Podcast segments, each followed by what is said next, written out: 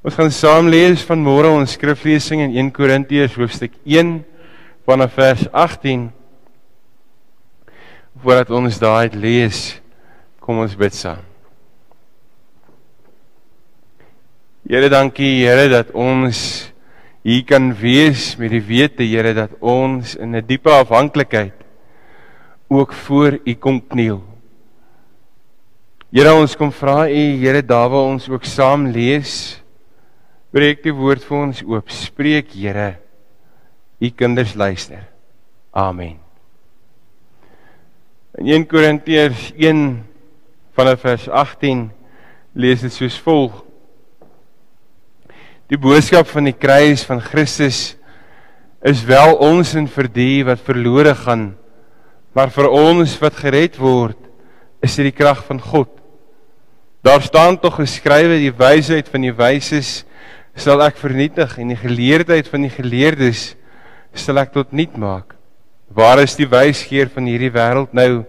Waar die skrif skrifgeleerde? Waar die slim woordvoerder? Het God nie die wysheid van die wêreld tot ons in gemaak nie? Dit was die bedoeling van God en sy wysheid dat die wêreld nou deur die geleerdheid tot kennis van God sou kom nie. Daarom het God in sy goedheid besluit om deur die prediking wat vir die wêreld ons is, die te red wat glo. En die Jode vra wondertekens en die Grieke soek wysheid, maar ons verkondig Christus wat gekruisig is. Vir die Jode is dit 'n aanstoot en vir die vir die ander is dit onsin. Maar vir die wat deur God geroep is, Jode sowel as Grieke, is Christus die krag van God en die wysheid van God. Wat vir die wêreld die onsin van God is, is groter wysheid as die wysheid van mense. En wat vir die wêreld die swakheid van God het, is groter krag as die krag van mense. Dink maar net broers aan wat julle was toe julle geroep is. Volgens die opvatting van die mense was daar nie baie geleerdes of baie invloedrykes of baie mense wat van aansien onder julle nie. En tog wat vir die wêreld onsin is, het God uitgekies om die geleerdes te beskaam. Wat vir die wêreld swak is, het God uitgekies om die sterkes te beskaam. En wat vir die wêreld sonder aansien of betekenis is, ja wat niks is nie, het God uitgekies om wat iets is tot nie te maak. Voor God het geen mens dis iets om op te roem nie. Aan God is dit te danke dat jy met Christus verenig is. Hy het vir ons geword die wysheid wat van God kom. Die vryspraak, die heiliging en die verlossing. Daarom soos daar geskrywe staan, die wat wil roem, moet in die Here roem. Tot sover ons skriflesing van môre.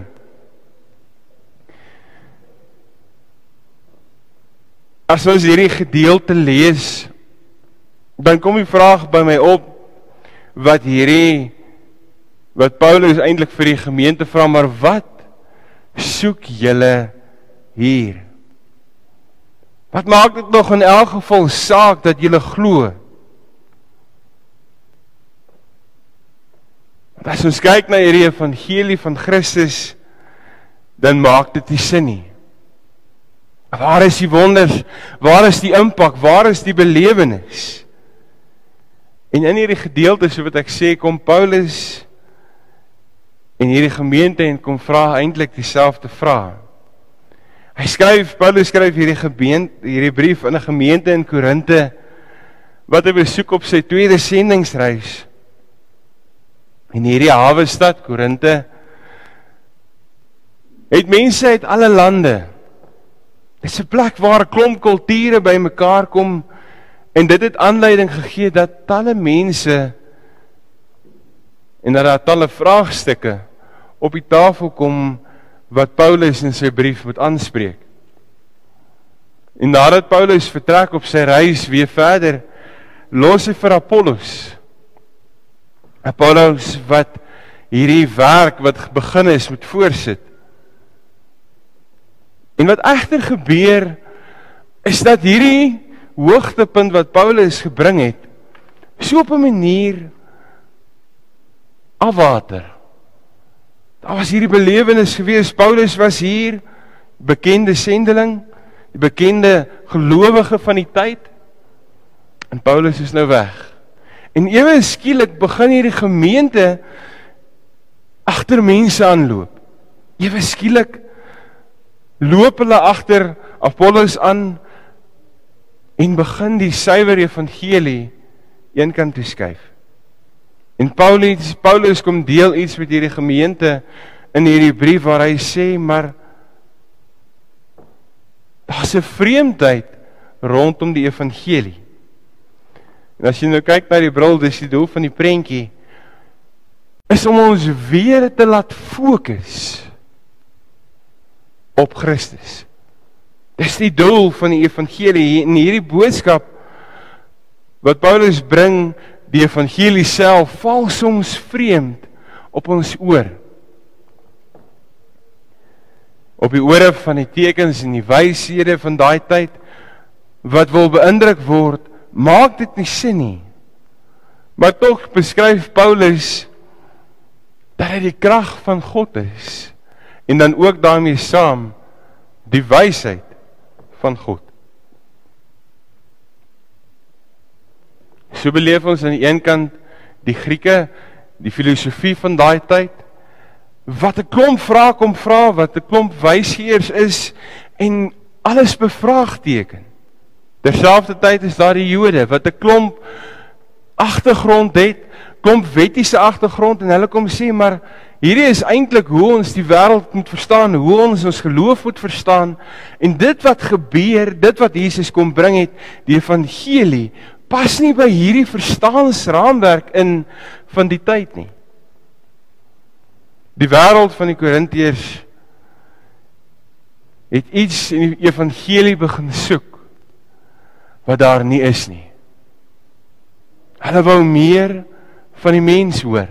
Hulle wou meer mens in die evangelie gehad het en minder God. Vir die Jood en die Griek in die tyd van Paulus het ons reeds gesê die evangelie ingedrys teen die normale verstaan van die tyd, teen die logika. Die evangelie is onsin. Het hulle gesê. Want waar het jy gehoor van 'n Messias wat kom red? 'n Messias wat gekruisig word, 'n Messias wat doodgaan. Hoe kan hierdie Messias enige iemand red as hy dood is? Dis hoe kan 'n verganklike mens 'n verskil kom maak in hierdie wêreld?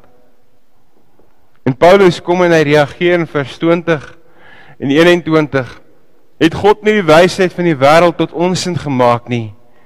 Dit was die bedoeling van God en sy wysheid dat die wêreld nie deur geleerdheid tot kennis van God sou kom nie. Daarom het God in sy goedheid besluit om deur die prediking wat vir die wêreld onsin is, die te red wat glo. Hierdie evangelie klink inderdaad anders as wat ek en jy verwag. In plaas daarvan dit val op wat mens moet doen, kom sê dit eintlik vir ons maar God het alreeds God se krag is alreeds geopenbaar. God het alreeds die verlossing bewerk. God het alreeds by in jou uitgekies. God het alreeds alles gedoen al wat ons moet doen. Is in 'n afwagting. Sê Here hier's ek. Dis eintlik so eenvoudig die prediking oor die kruisdood en die opstanding van Christus moet verkondig word. En die wat dit hoor moet glo en aanvaar en dit uitleef in hierdie wêreld. Vir die wat rondom staan maak dit dalk nie sin nie, vir die wat buite is is dit onsin, vir die vir my en vir jou beleef ons die kragtige werking van God. Beleef ons God wat ons van binne af kom nuut maak, God wat ons kom verlos van ons sondes, God wat ons kom vryspreek. Nie op grond van dit wat ons doen nie. Maar op grond van sy genade op dit wat hy in ons lewe kom doen. En die uitdaging is vandag om te onderskei wat die dinge is wat as wysheid en krag voorgehou word terwyl dit eintlik dwaasheid is. So kom skep ons baie keer ons eie godsbeeld. Ons kom skep baie keer 'n manier om te sê maar God moet in hierdie boksie van ons inpas. Ons wil graag hê maar die Here moet op 'n manier kom doen wat ons wil hê. Is 'n God wat ons baie keer skep wat ons kom sê maar hierdie God kom ondersteun my standpunt, hy kom ondersteun my saak. My ideale. Wat op my bevel alles doen wat ek vra. En aan die ander kant is dit ook 'n God wat ons baie keer skep wat nie veel van my verwag nie. So baie keer vir die Here sê maar Here Ons wil in U glo, ons wil al hierdie beloftes kan hê, maar moet tog nie vir my vra om 'n verskil te maak in hierdie wêreld nie. Moet tog nie vir my vra om dit uit te leef nie. Moet tog nie vir my vra om die beloftes wat ek maak na te kom nie. Dis 'n God wat ons baie keer skep wat al my besluite en wense goedkeur sonder om 'n oog te knip. Die werklikheid is die seun aan die kruis van Golgotha sterf ter wille van ons. Die prys is betaal as mens gesproke. Is dit sekerlik een van die onlogiesste dinge wat God kon doen? Die seun van God sterf op die mens ter wille van die mens en op die mees vernederendste manier denkbaar van die tyd. Maar tog God is die Here wat my en vir jou kom verras. God is die Here wat ek en jy juis nie in boksies kan sê kan sit en kan sê maar dit is hoe God is. Ons verstaan maar ten dele sê die Bybel. Ons verstaan so 'n klein stukkie. God kom openbaar om radikaal anders in Jesus Christus wat hy stuur. Hy kom openbaar om radikaal anders in sy gees wat hy vir ons elkeen gee wat vir my en vir jou eintlik kom roep tot appel en kom sê maar julle moet julle denke en julle harte vernuwe en terugdraai na God toe. Los dit wat in hierdie wêreld gebeur eenkant, maar fokus vir 'n oomblik op dit wat God besig is. Fokus op God se evangelie. Fokus op die nuwe nuwe hoop. Fokus op die nuwe lewe. Dit doen 'n appel op ons hart. Dit vra van groot geleerde, slim mense van elkeen klein en groot Maak nie saak wie jy is nie, dat ek en jy bereid sal wees om weer te glo soos 'n kind. Om ons harte, ons gedagtes, alles van ons ons bestaan te draai terug na God toe. Dis sekerlik een van die moeilikste goed om te doen in hierdie wêreld is om te sê Here maak wy my totaal en al toe. Elke oomblik van my lewe aan Isak. Want dit vra van my om anders te wees. Dit vra vir my om uit te staan in hierdie wêreld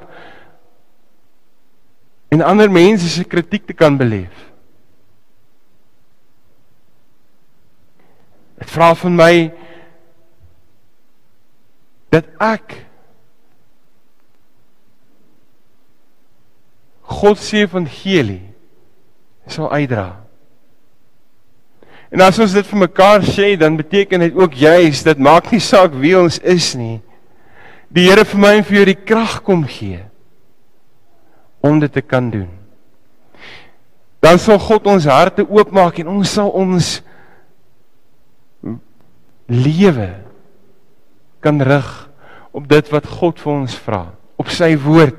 Ons sal hoor wat God vir ons sê, ons sal dit glo en ons sal dit lewe.